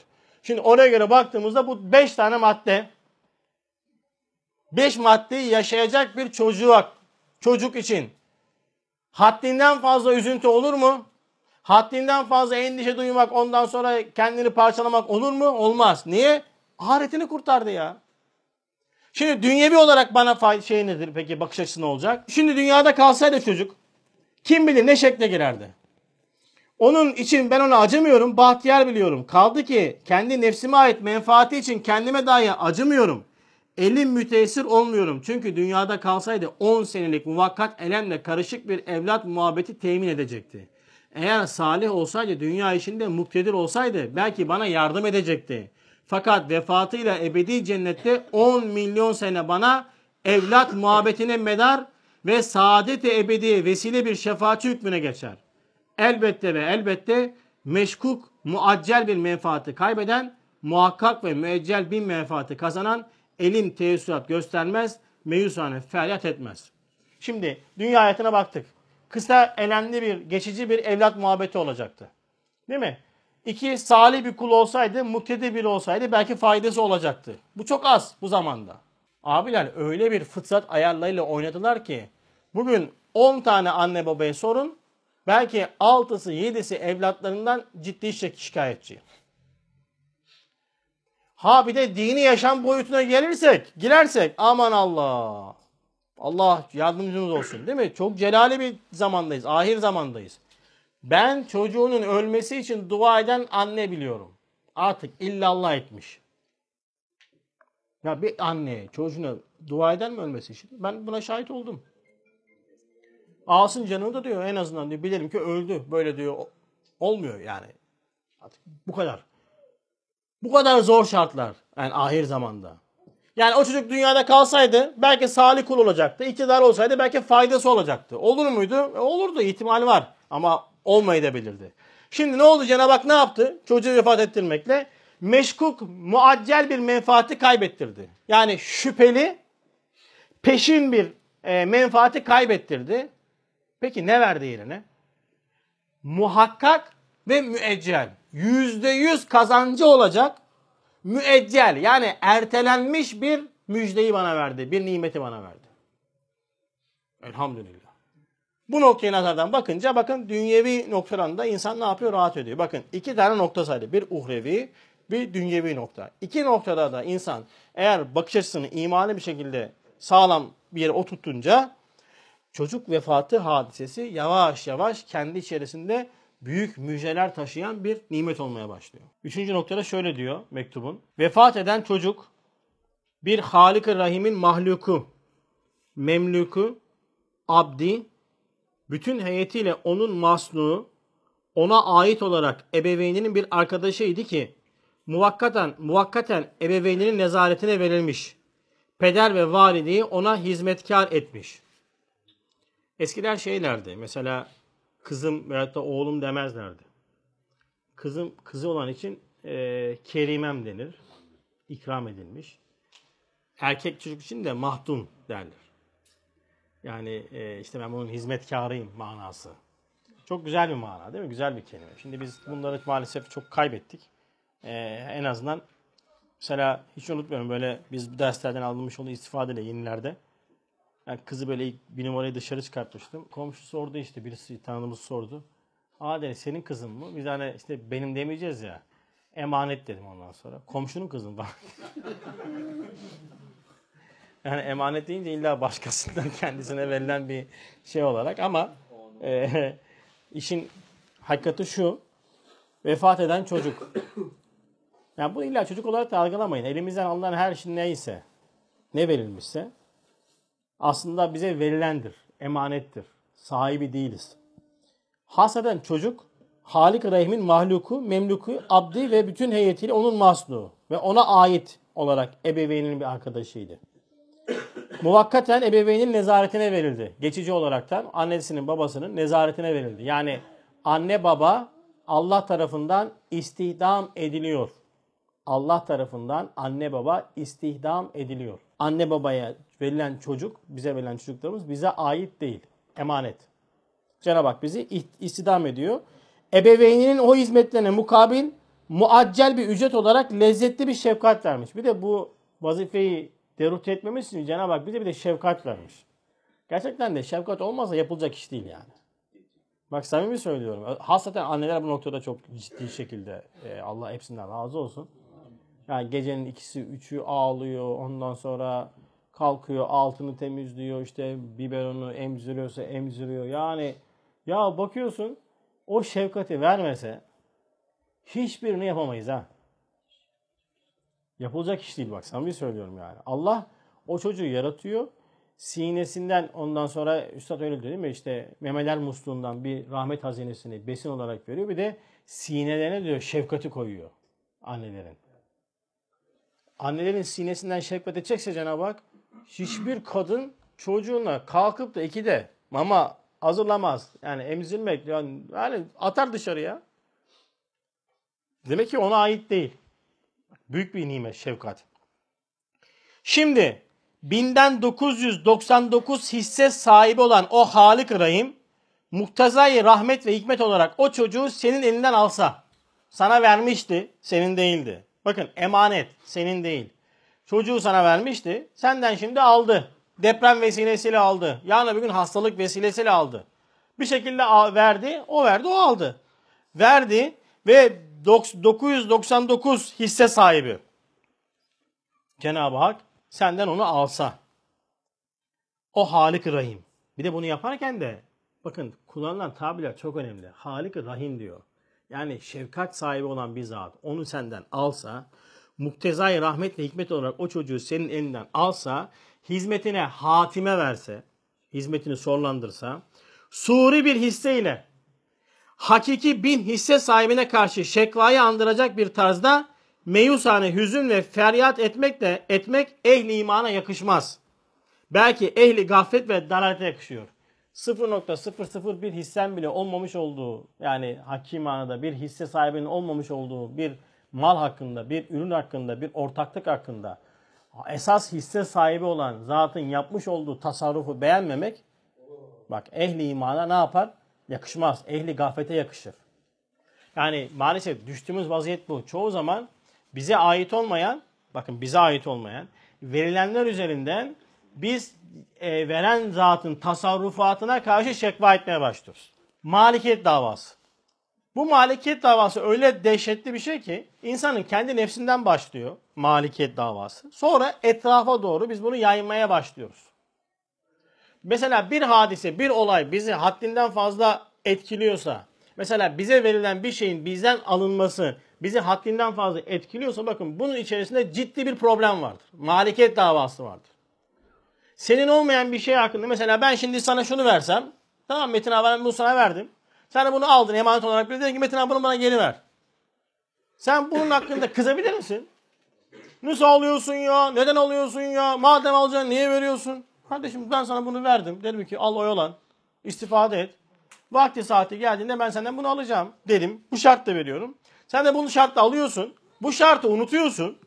Bunu sahipleniyorsun. Buna bağlanıyorsun. Bunu kendinin biliyorsun. Sonra diyor ki mal sahibi ver. Diyorsun ki ya nasıl alıyor? Neden alıyor? 20. mektupta üstad bir kelimeyi tevhidi tefsir ederken orada bir cümleyi izah ediyor. Diyor ki lehul mülk. Yani mülk umumen onundur. Bakın mülk umumen onundur. Sen hem onun mülküsün hem memlüküsün. Bak önce benden başlıyor problem. Önce kendimin bir kere Allah'ın mülkü olduğunu unutmamam lazım. Sen hem onun mülküsün hem memlükusun hem mülkünde çalışıyorsun. Şu kelime şöyle şifalı müjde veriyor ve diyor ki lehul mülk kelimesi bana şifalı bir müjde veriyor ve diyor ki ey insan sen kendini kendine malik sayma. Çünkü sen kendini idare edemezsin. O yük ağırdır. Mesela bizim şöyle bir kullandığımız cümle vardı. Ben çok takılırım ve bunu hep uyarırım. Kendine iyi bak. Ayrılırken mesela bir abiyle ben görüştüm, tanıştım. Böyle abi gidiyor. Hadi Hasan hocam diyor. Kendine iyi bak. Kendine iyi bak. Nasıl bakabiliyorsun ya? Biz hangi noktamızda kendimize iyi bakabilme özelliğine sahibiz? Hadi bakalım arkadaşlar. Tam 3-4 3-4 dakika boyunca gözlerinizi kapatmadan, kırpmadan durun bakalım. Duramazsın. Hadi kalbinizi şöyle bir 3 saniye 5 saniye durdurun. Müdahale edemiyorsun. Üzerimizde yapılan tasarruflar içerisinde iktidarımız dahilinde olan hemen hemen hiçbir şey yok gibi. Hemen hemen yok gibi. Yemek içmek noktasında cüzi bir şeyim ihtiyarımız var. O da ancak ağza koymak işte vesaire yani tercih noktası hatta. Ondan sonra yuttuktan sonra bütün sistemin hepsi Malik-i Mülk tarafından idare ediliyor, terbiye ediliyor. Sürekli terbiyeden geçiyoruz. Mesela yiyoruz, gerekli maddeler etrafa yayılıyor. Ondan sonra kalanı pos olaraktan dışarı atılıyor. Dışarı atması da bir tasarruf, bir terbiyeden ibaret. Bak bütün bunların hepsi bir maliki mülk tarafından yapılıyor. O yüzden ne yapacağız? Ben şunu bileceğim. Ben kendimi idare edemem. Kendine iyi bak. Kendine iyi bakamazsın. Kendine iyi bakan bir zatın farkındalığını yakalamamız lazım. Ben o yüzden öyle diyorum. Kendine iyi bakıldığının farkına var. Bak kendine iyi bakıldığının farkına var. Kimin merhametiyle böyle müşfik haline terbiye olunuyorsun. Kimin ondan sonra değil mi? Şey, sen söyle nimetlerle böyle nimetlendiriliyorsun. Kim seni besliyor, kim terbiye ediyor? Bunun farkında ol. Bakın elhamdülillah en büyük tefekkür insanın kendi nefsinden başlayıp kendini tanıma üzerine bina etmiş olduğu marifetullah çalışmasıdır. Temel buradan başlıyor. Kendinden başlıyor. Kendi başına muhafaza edemezsin. Belalardan sakınıp levazımatını yerine getiremezsin. Öyleyse beyhude ızdıraba düşüp azap çekme. Bakın mülk başkasınındır. Bunu BTV binalara yazmak kolay. Arabaların arkasına yazmak da kolay. Mülk Allah'ındır. O mülk Allah'ındır iddiasının doğruluğu o mülkün Allah'ın olduğunu bildiğinde, biliyorsan eğer, senden alındığında ortaya çıkar. Ne reaksiyon gösteriyorsun? Ne yapıyorsun? Değil mi? Burada ortaya çıkar. Yoksa BTB yazdın. Çok kolay. Eskiden BTB binalar vardı da mülk Allah'ındır. Koca beş katlı bina var. Adam yazdı mülk Allah'ındır diye. Evet öyle görüyorsa ne mutlu ona. Allah razı olsun. Güzel bir şey yani. Ama onu esas olan kalbe yazmaktır. Ondan sonra şuura yazmaktır. E işte mülk Allah'ın olduğu gibi çocuk da Allah'ındır. Sen de Allah'ınsın. Her şey Allah'ındır. Mülk umumen O'nundur. O Malik bakın hem Kadir hem Rahim'dir. Kudretine istinat et. Rahmetini ittiham etmem. İki tane nokta saydı. Bakın kudret ve rahmet. Kainatta tecelli eden bütün cilvelere baktığınızda göreceğiniz yegane iki hakikat vardır. Eğer bakın kudrete görüp rahmeti görmezseniz korkunuz hat safhada olur. Sırf rahmete görüp kudreti görmezseniz güveniniz de azalır. İkisi bir arada mezz olduğunda tam manasıyla insanı tatmin eder. Mesela şu anda bizim ülke olarak şefkatimiz var mı? Var. Merhametimiz, merhametimiz var mı? Var. Ama kudretimiz olması gerektiği kadar değil. Ne yapıyoruz? Merhamet ediyoruz, şefkat ediyoruz ama icraat yapamıyoruz. Adamın mesela ülkeye bakıyorsun Amerika'nın, İsrail'in kudreti var ama şefkati yok. Bakıyorsun zulmediyor. Kudret ve rahmet dengesiyle tanınacak olan bir hakikat kişiyi rahat ettirir. Şimdi Cenab-ı Hakk'ı yalnızca kudretiyle tanırsanız, rahmeti görmezseniz, rahmeti görmezsek, bakın korkumuz haddini geçer. Bu sefer korkuya dayalı bir ibadet olmaya başlar. Korkuya dayalı ibadetin içi nefretle doludur. Bir gün olur patlak verir. Ama sırf rahmeti görüp Cenab-ı Hakk'ın kudretini de görmezsen bu sefer güvenin azalır. Dersin ki her şeyi Allah'a mı bırakacağız ya? Böyle diyen oluyor ya. Adam her şeyi Allah'a mı bırakacağız diyor. Cenab-ı Hak o yüzden hep kudret ve rahmet ayetlerini yan yana zikretmiştir. Bakın kudret ve rahmet ayeti. Mesela bir örnek vereyim. Sert olan taş ve toprak kudret ayetidir. Kudret ayetidir. İncecik yumuşak kök ve damarlar rahmet ayetidir. İncecik. Kudretin içerisinde rahmet vardır. Rahmetle beraber kudret mezz olur. İncecik ipek gibi yumuşak kök ve damarlar sert olan taş ve toprağa deler geçer. Kudret ayeti mesela matbaa kudret olan tarlalar kudret ayetidir. Bakıyorsun çamur, balçık içinden Cenab-ı Hak yemişleri çıkartıyor, meyveleri çıkartıyor. Bak rahmet ayeti. Hemen peşi sıra rahmeti koyuyor. Kudreti gördüğünüz anda tamamlayıcı etken olarak Cenab-ı Hak hep rahmeti zikreder. Şimdi benim başıma gelen hadiseler hepsi nereden geliyor? O malikten geliyor. Yani mülkün sahibinden geliyor. Bendeki tasarrufatlar, bana verilen şeyler üzerindeki tasarrufatlar kim tarafından yapılıyor? Malik tarafından yapıyor. Maliki mülk tarafından yapılıyor. Peki nasıl yapılıyor? Kudretiyle yapılıyor, rahmetiyle yapılıyor. Ne yapacağım? Kudretine isnat edeceğim. Rahmetine iddiam etmeyeceğim. Yapmışsa şefkatiyle yapmıştır. Bakın çok önemli bir ölçüdür Cenab-ı Hakk'ı Rahman Rahim olarak tanımak. Kur'an'ın bizden istemiş olduğu yegane tevhid şuuru Rahman ve Rahimiyet üzerine bina edilmiş olan bir tevhid şuurudur. Allah yapıyorsa eğer o şeyde mutlaka şefkati ve merhameti göreceksiniz. Bu olmazsa olmazdır. Ayrılmazdır. Yani üç isimli bir insana, iki isimli bir insana siz isimlerin arasında V koymazsınız. Yunus ve Emre temiz demezsiniz. Yunus Emre temiz dersiniz. Değil mi? Üç, iki ismi var. Soyadıyla beraber üç tane kavram zikrediyorsun. Yunus ve Emre temiz demiyorsun. Yunus Emre temiz diyorsun. Cenab-ı Hak, İslamiyet, sair, tarif olmuş dinler gibi bize Cenab-ı Hakk'ı, Allah'ı anlatırken korku üzerine inşa etmiyor bizim imanımızı. 114 yerde İmam-ı Şafii'ye göre birer ayet olan, her biri birer ayet olan 114 kere nazil olduğu ifade edilen Bismillahirrahmanirrahim bana bu ders verir. Allah Rahman Rahim'dir. Arada V de yoktur.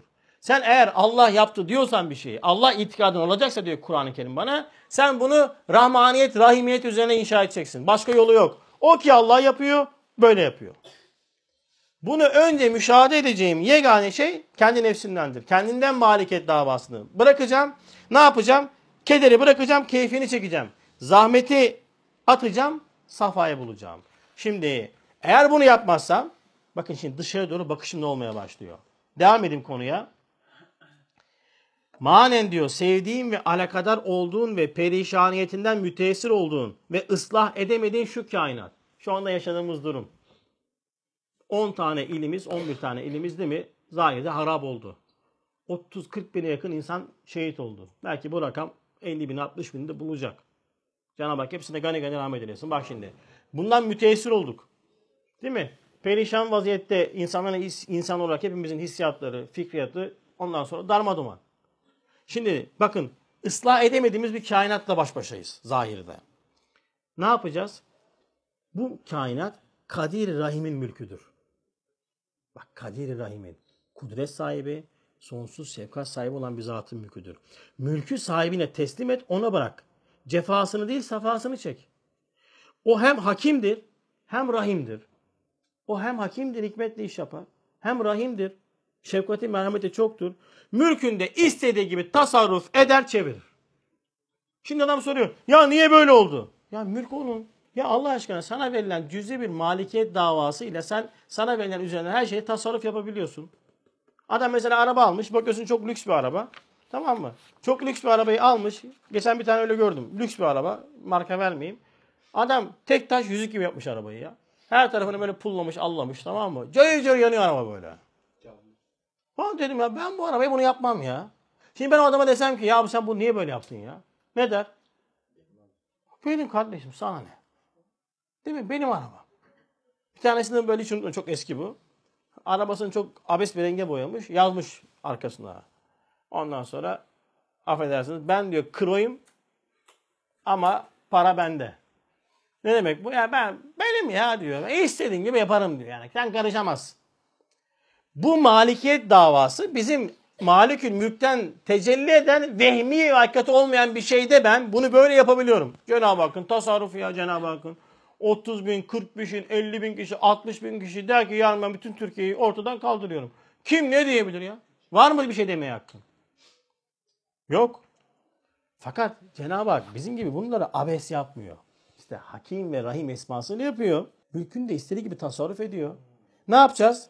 Dehşet aldığın zaman hadiseyi çözemiyorsun. Baktın ki taşlar yerine oturmuyor. Ne yap? Mevla görelim neyler? Neylerse güzel ellerde pencerelerden seyret. İşlerine girme. Şimdi bakın bir sonucu değerlendirmek için, doğru değerlendirmek için sürecin doğru okunması lazım. Şimdi celali tecelliler netice itibariyle olan güzelliklerdir. Cemali tecelliler yani senin zahirde gördüğün güzelliklerine yani baktın mesela güneş, ay, çiçek o hepsi zahiri güzelliklerdir. Bunlar cemali güzelliklerdir ve hüsnü bizattı, bizatihi güzelliklerdir. Şimdi sen ben, Kur'an beni sürekli güneşe bak, aya bak, çiçeğe bak, suya bak, ona bak, buna bak derken sürekli zahiri güzellikler içerisindeki tecelliyatı rahmeti nazara veriyor. Kudreti ve rahmeti nazara veriyor. Ben bunu anladığımda, bunu yerleştirdiğimde cemali, celali güzellik yani netice itibariyle olan güzelliğe karşı reaksiyonum düzelir. Şöyle bir örnek vereceğim size. Siz daha önce sürekli şekilde merhametini, şefkatini, cömertliğini müşahede etmiş olduğunuz bir kişinin sizin üzerinize bir tasarrufatını gördüğünüzde ona karşı hüsnü suizan etmezsiniz. Etmezsiniz suizan. Bakın bir tane arkadaş vardı geçen öyle bir şey oldu. Para mevzusu oldu. Verin vermeyin falan filan. Ya ben böyle sanki bir şeyler seziyorum. Karşı taraf böyle ima ediyor falan filan dedi. Kendi menfi e, pis nazarından. Ben de o kelamı söylemiş olduğu kişiyi tanıyorum, biliyorum. Dedim ki hayatta olmaz. Aynen böyle. Hayatta olmaz dedim yani. Yapmaz. Niye ben bu kelamı söylüyorum? Çünkü ben bu adamla yol yapmışım, yemek yemişim, görmüşüm. Yani Cenab-ı Hakk'ın cevvat esması olan aynedarlığını, ondan sonra şefkatini, merhamet olan aynedarlığını görmüşüm. Bizatihi buna güzel aynedarlık yapmış. Yani bütün şu cemaat toplansa dese ki böyledir ben derim ki yok kardeşim. Ben çünkü bunu görmüşüm. Müşahede etmişim. Mesela bir örnek daha vereyim. Şoförlüğüne güvendiğiniz, bildiğiniz bir insanın yanında rahat uyursunuz. Değil mi? Hatta arada kalkar daha gelmedik mi falan dersin. Adam yok abi daha var tamam dersin bir daha uyursun. Bir daha kalkarsın. Daha ne kadar kaldı 2 saat. Gene uyursun. Adam hani risk falan filan hesaplamazsın yani. Dersin ki ben bu çünkü bu adamla yol yapmışındır. Bir yol tecrübesi hani o duasını görmüşün.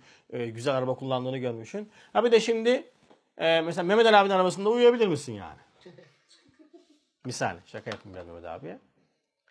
Değil mi? Veyahut da daha acemi bir adam olsa kim var acemi şoför aranızda? Var mı acemi az kullanan? Mesela arabayı az, yavaş, zayıf kullanan arkadaşlar var. Adamın yanında arabayı sen kullanırsın. Pe- pedala sen basarsın yanında. Dur dersin. Böyle durursun. Yavaş dersin. Viraja gireceksin. Niye? Çünkü adama güvenemiyorsun. Teslim olamıyorsun. Teslim olmak tanımakla alakalı olan bir şeydir. Yani buradaki şu Mevla görelim neyler neylerse güzel eller aslında arkasında çok ciddi bir tefekkür, ciddi bir müşahedenin neticesinde söylenecek olan bir şeydir. Biz bunu ancak Facebook'ta paylaşırız. Mevla görelim neyler neylerse güzeller paylaş gitsin. Bunu birebir yaşayabilmek o süreçte sürekli bir şeyi müşahede etmek üzerine olur. Müşahede etmiş olduğunuz olan bir şeyde o zaman bunu rahat söylersiniz. Ya bir de abiler bugün en büyük sıkıntımız malikiyet davasıdır. Hep söylüyorum cehennem meleğinin ismi niye Malik? İnsanları bugün cehenneme sürükleyecek, hepimizi belki Allah muhafaza cehenneme atacak yegane hakikat bize verilenler üzerinden benim diyerek tasarruf etme özgürlüğünde olduğumuzu zannetmektir. Benim hayatım, benim düşüncelerim, benim çocuğum, benim evim. Ha, bak. Ben üzerine tasarruf etmeye başlayınca Cenab-ı Hak diyor ki kainatta bir tane ben var. Ene-i hakiki, ene-i kübra. Kibriye azamet sahibi olan Cenab-ı Hak. Ama sana verdiklerini bir alıyor. Ne kadar bağlanmışsan o nispette acı çekmeye başlıyorsun. İşte cehennemin bin malikiyet davası edenlerin gireceği yerdir cehennem. O yüzden Malik'tir ismi. Al, bir, bir mana olarak. Cehenneme nezaret eden benim ismi Malik olması. Niye Ali Osman değil başka değil yani Malik. Çünkü gerçekten de bakın özellikle bizi hakikaten uzaklaştıran en büyük hakikatler hep böyle malikiyet davasıyla bağlandıklarımızdır maalesef. Çok dikkatli olmak lazım. O yüzden Cenab-ı Hak tasarruf eder. Çocuk senin değildi. Allah'ındı. O verdi. O aldı. Tasarrufu ona hakkındır yani. Dördüncü nokta. Yine bizim hepimizin dünyasında canlı olan bir mana. Bugün en çok musibetlere, sıkıntılara karşı katlanmakta zorlandığımız, bizi ahirete ciddi çalışmaktan da uzaklaştıran en büyük problemlerden bir tanesi tevehüm ebediyettir. Ebedi yaşama zannı. Hiç ölmeyecek gibi dünya hayatına bağlanma. Dünya hayatının sonunu görme. Sonunu görmeme. Sonlu olduğunu bilmeme. Bunu unutma. Bu şuurda yaşamama. Bu yüzden çok ciddi dargınlıklarımız, kırgınlıklarımız oluyor. Çok ciddi ondan sonra e, haddi geçen üzüntülerimiz, kabili tamir olmayan ondan sonra e, yaralarımız oluyor. Niye? Dünya sabit, baki zannedince e, dertler, sıkıntılar, elemler, kederler de sabit, daim baki zannedilmeye başlıyor. Şimdi Üstad dördüncü noktada çocuğu vefat eden kişilere bir ölçü verecek, bir müjde verecek. Diyor ki eğer dünya ebedi olsaydı, insan içinde ebedi kalsaydı, firak ebedi olsaydı, enimane teessürat, meyusane tevlümatın bir manası olurdu. Evet abiler dünya gerçekten de sabit kalsaydı, ebedi olsaydı, yani ölmeyecek olsaydık tamam mı?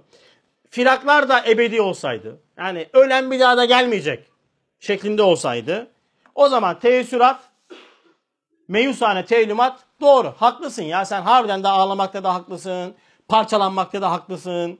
Böyle kendini duvardan duvara atmakta da haklısın. Uykulardan kaçmakta da haklısın. Böyle olsaydı eğer. Ama madem dünya bir misafirhanedir. Vefat eden çocuk nereye gitmişse siz de biz de oraya gideceğiz. Hem bu vefat ona mahsus değil umumi bir caddedir.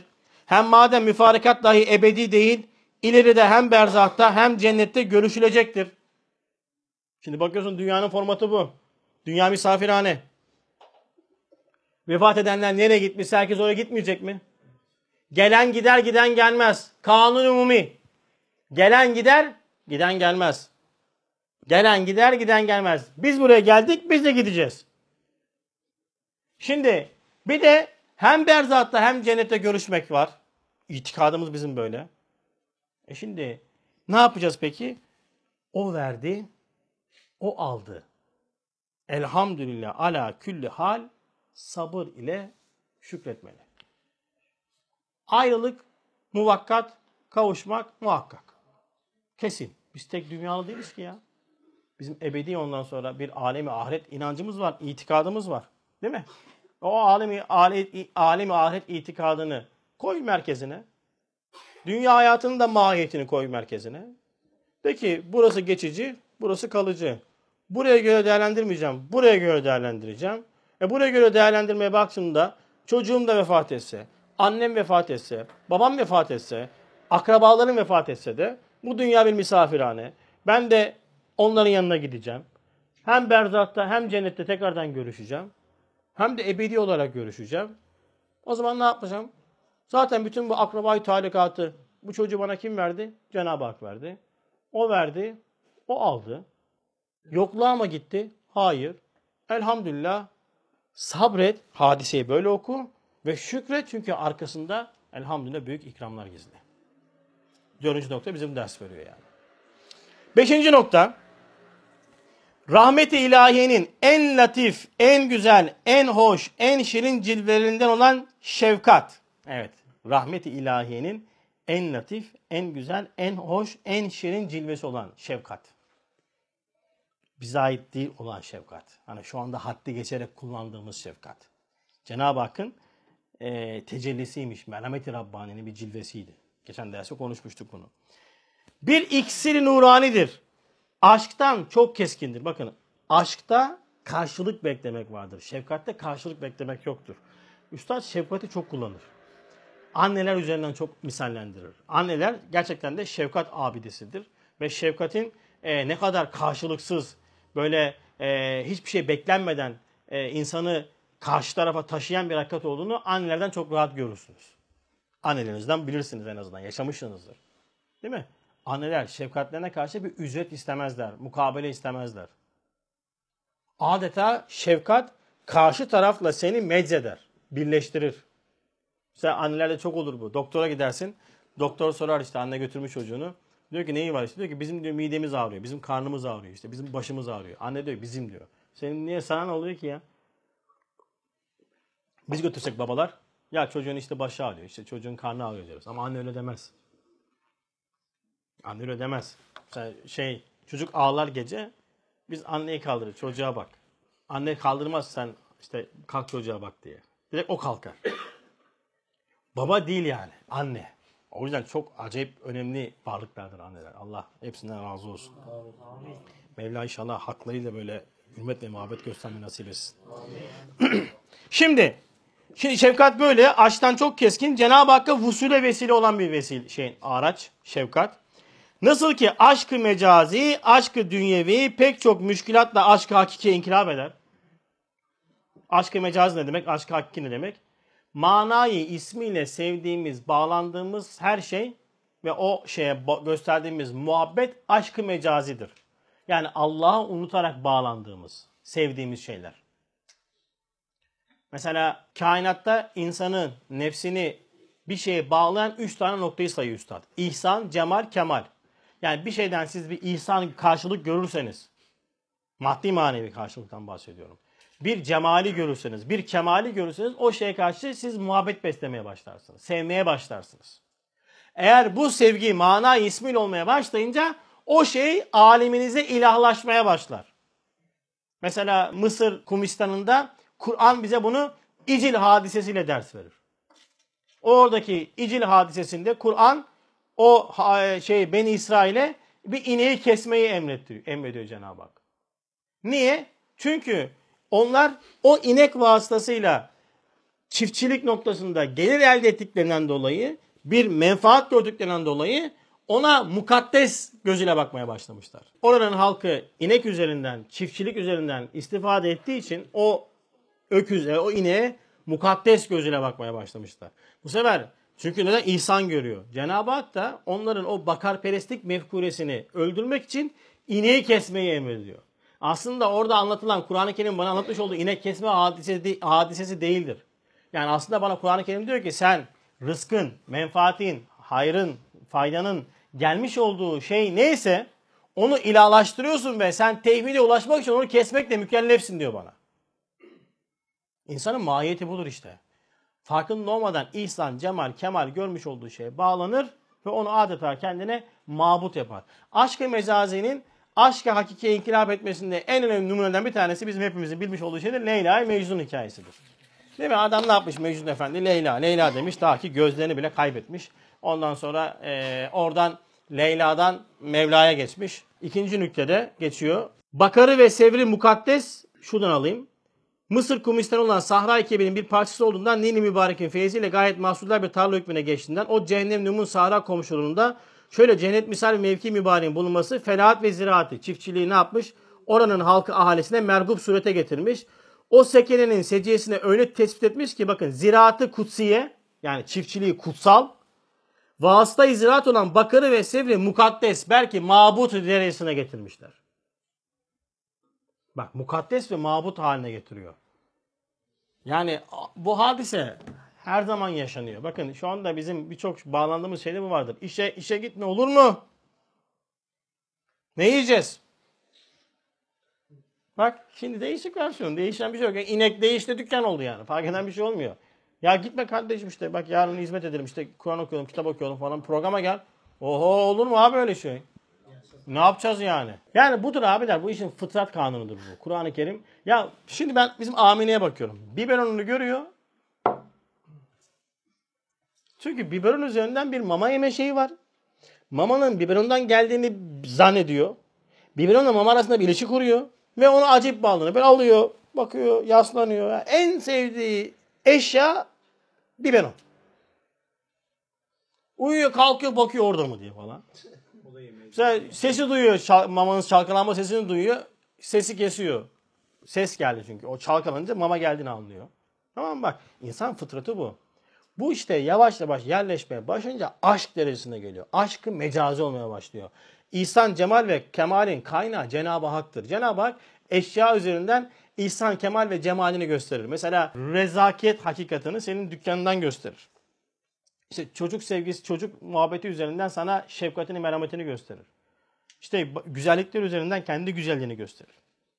Ama insan aynalara takılmaktan, aynalara yapışmaktan, aşkı mecaziden, aşkı hakiki inkılap etmekte zorlanma, geçmeye zorlanıyor. Bu sefer ne oluyor? Farkında olmadan yavaş yavaş bağlanmaya başlıyor. İşte çocuk hadisi üzerinden anlatıyor bize bunu. Diyor ki gerek peder ve gerek valide veledini bütün dünya gibi severler. Veledi elinden alındığı vakit eğer bahtiyar ise bak burası çok önemli. Eğer bahtiyar ise hakiki ehli iman ise dünyadan yüzünü çevirir. Abiler hakiki böyle ciddi tecelliyatlar, ciddi musibetler ameliyatı cerrahi hükmündedir. Bunların en büyüklerinden bir tanesi evladın insanın elinden alınmasıdır. En gerçekten zoru. Ha bazen evladını alır, bazen evini alır, bazen çocuğunu alır, bazen eşini alır, bazen dükkanını alır, bazen malını alır. İmtihandır bu. Çünkü o şey farkında olmadan seni hakikaten uzaklaştırmaya başlamıştır. Ameliyatı cerrahi gibidir. O ur oradan alınır. Canın yanar mı? Yanmaz mı? Ne yapacaksın? Nasıl reaksiyon göstereceksin? İşte burası önemli. Eğer bahtiyar ise yüzünü çevirir. Mün'imi hakiki bulur. Der ki dünya madem fanidir değmiyor alakayı kalbe. Abiler bir şuurlu Müslümanın hayatında bir öğretinin adıdır bu. Kur'an'ı bir öğreti. Dünya madem fanidir değmiyor alakayı kalbe. Bunu söylettirmek için, hakikati kabul ettirmek için belki 100 tane, 1000 tane ders yapman lazım. Tahkiki şekilde. Belki o da girer kafana. Ama bir musibet bin nasihattan tesirlidir. O zaman bazen Cenab-ı Hak evladını alarak, bazen malını mülkünü alarak, bazen büyük imtihanlara tutarak sana bana bunu söylettiriyor işte. Diyor ki dünya madem fani değmiyor alakayı kalbe. Ya böyle. Çünkü Leyla'yı bulan Mevla'yı unutuyor abiler. Leyla bazen iş oluyor, Leyla bazen çocuk oluyor, Leyla bazen makam oluyor, Leyla bazen fabrika oluyor, Leyla bazen bir şey oluyor. Oluyor. Leylalar çok. Leyla kavram. Leyla'yı bulan Mevla'yı unutuyor. Leyla sevgisinden dünya çölüne düşüyor. Leyla sevgisinden gözlerini, hakikati görecek gözlerini kapatıyor, kaybediyor. Sonra aklı başına geliyor ama belki de iş işten geçiyor. Bu hadise hepimize şu dersi verdi. Çok zenginim deme, sabahında elin avucun boş şekilde kalkabiliyorsun. Değil mi? Çocuklarım falan diye ondan sonra bağlanma. Sabah kalktığında Allah muhafaza enkazın altından belki cesedine bile ulaşamayabilirsin. Ya böyle bir hadise geldiğinde, bir musibet geldiğinde hemen ne yapacağız? Eğer bahtiyar ise diyor, yüzünü çevirir. Ben çok böyle birkaç akrabaya tarikatım da var. Üzülüyorum yani. Çocuğu vefat etmiş, yakında çocuğu da vefat etmiş birkaç kişi daha vardı böyle. Bakıyorsun hala la ilahe illallah, hala yaşantılarında bir ciddiyet, bir İslami derinlik yok. Ne zaman döneceksin? Ya abiler bakın özellikle böyle musibetleri beklemeye gerek yok. Ya 40 yaşından sonra, 40 yaşından sonra artık kalbi ve ruhi bir olgunluk olması lazım hepimizde. Ya böyle gençlik, bu şeylik ayaklarını bırakalım artık yani bir, bir yaştan sonra. Öyle la ilahe illallah orada burada falan filan. Bırak abiciğim. Senin yüzünü dön artık. Dön. Abi 40 yaşı genç. Alakası yok ya. 40 yaşı terakki yaşıdır. 40 yaşı olgunluk yaşıdır. Artık hakikati anlama yaşıdır.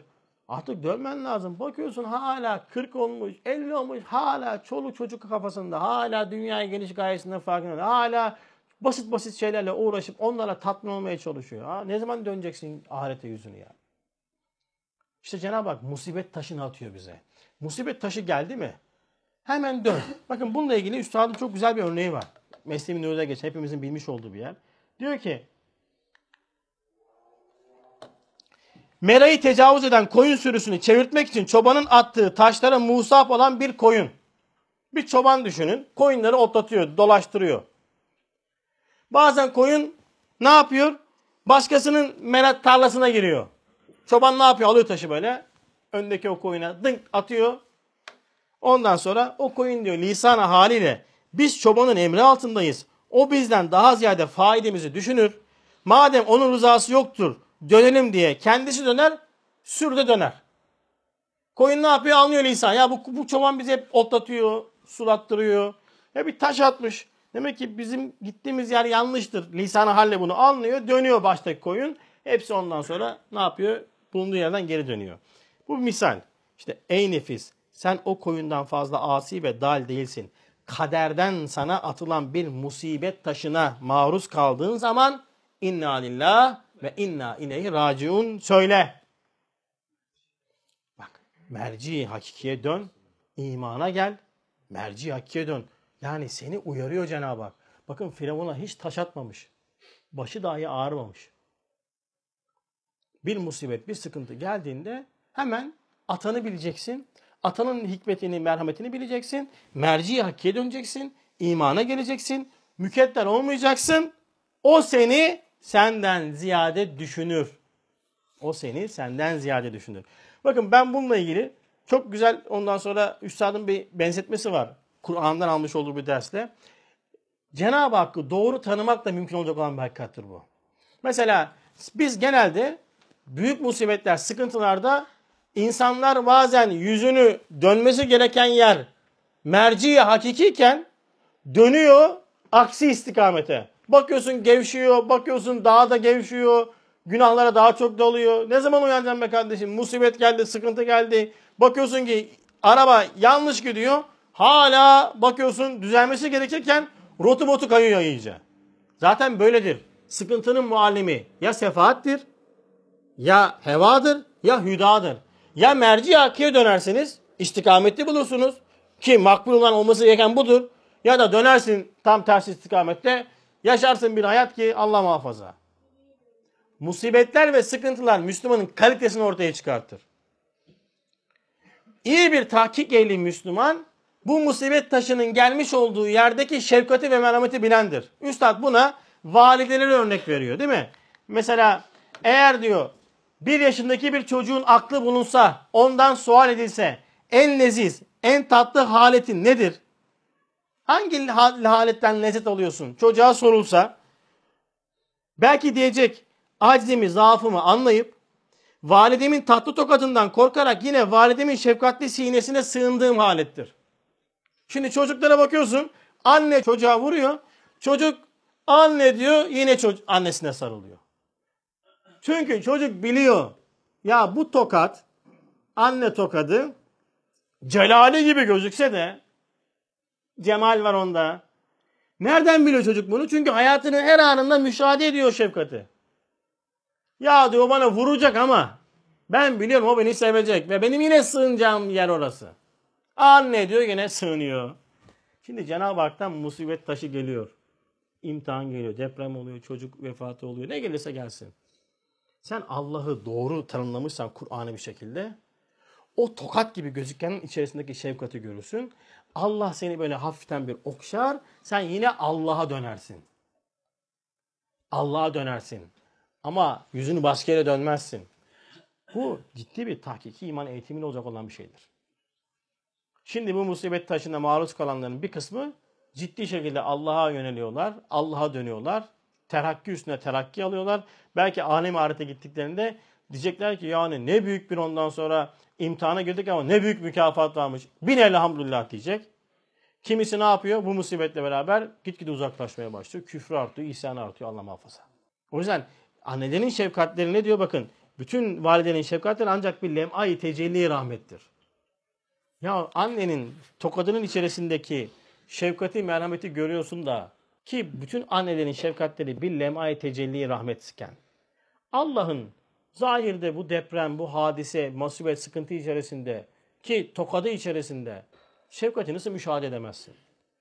O Allah değil mi seni bu yaşamına kadar besledi, büyüttü, yetiştirdi, yarattı, ana rahminde karanlıklar içinde halk etti. Bütün alakadar olduğun mevcudata baktı, etti. Hep rahmeti görmedin. Demek ki görmedin.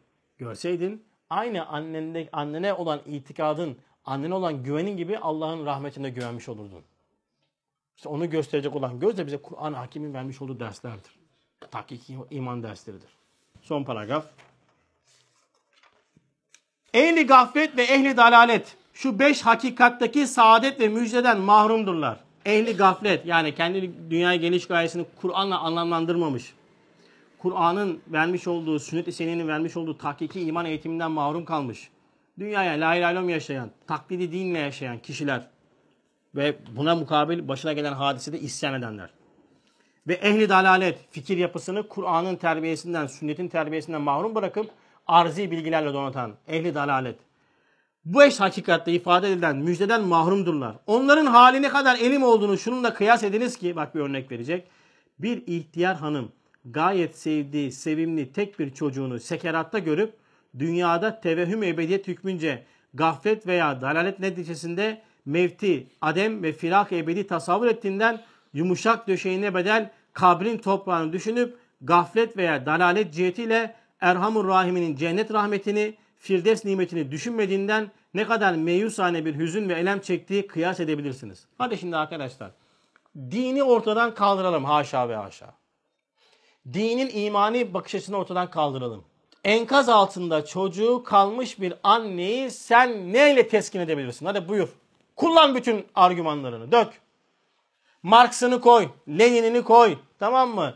Ee, sen söyle felsefecinin bütün öğretilerini koy. Aristo'yu kullan. Sokrat'ı kullan. Yetmez. Şimdiki bilim adamları, ilim adamlarının bütün felsefi görüşlerini koy. Annenin enkaz altında kalmış çocuğuna karşı annede oluşan o şefkat yangınını neyle teskin edebilirsin? Ya, hiçbir şeyi teskin edemezsin. Çünkü kabre girdiğinde kabirden sonrası onun için yok hükmünde. Bitti. Bir daha görüşmek yok. Bir daha buluşmak yok. Ama şimdi geliyoruz ehli imana. Vesile-i saadeti dareyn olan iman ve İslamiyet. Bak bak bak acayip bir şey. Vesile-i saadeti dareyn olan, iki cihan saadetine vesile olan, daha beni bu dünyada yangından kurtaran, beni bu dünyada çıkmazdan kurtaran iman ve İslamiyet. Mümine der ki, şu sekeratta olan çocuğun Halik-i Rahim'i onu bu fani dünyadan çıkarıp cennetine götürecek. Hem şefaatçi hem ebedi bir evlat yapacak sana. Müfarekat muvakkattır. Merak etme. Birisi geliyor diyor ki çocuk gitti nereye gitti? Ebedi bir aleme gitti. Cennete gitti. Görüşeceksin. Kavuşacaksın ve bu görüşme ve kavuşma elemsiz ve ebedi olacak. Ne diyorsun? El hükmenillah, inna lillah ve inna ileyhi raciun. Elhamdülillah diyorsun. Sabrediyorsun. Hangi ölçümüz, hangi öğretimiz bunu verebilir? Hiçbirisi. O yüzden musibetler ve sıkıntılar iman kalitemizin ortaya çıktığı anlardır. Hasreten çocukların vefatı üzerinde birebir muhatap olan kişilerin ve biz bu şekilde izleyen, hadisatı okuyan, izleyen, takip edenler olarak göstereceğimiz reaksiyonlar da bizim imanımızın göstergesidir. Biz tek dünyalı değiliz. Bizim esas memleketimiz alemi ahirettir, ebedi cennettir ve bizim için ayrılıklar muvakkat, kavuşmak muhakkaktır. Yapacağımız yegane şey hadisatı iman gözüyle okumak ve ona göre reaksiyon göstermektir. Cenab-ı Hak önce depremzedelere birebir bu şuuru nasip eylesin. Ondan sonra bize de bu hadiseyi yorumlayan, böyle böyle hadiselerle karşılaşan ve karşılaşma ihtimali olan bizlere Cenab-ı Hak ne yapsın? Bu noktada şuur nasip eylesin inşallah.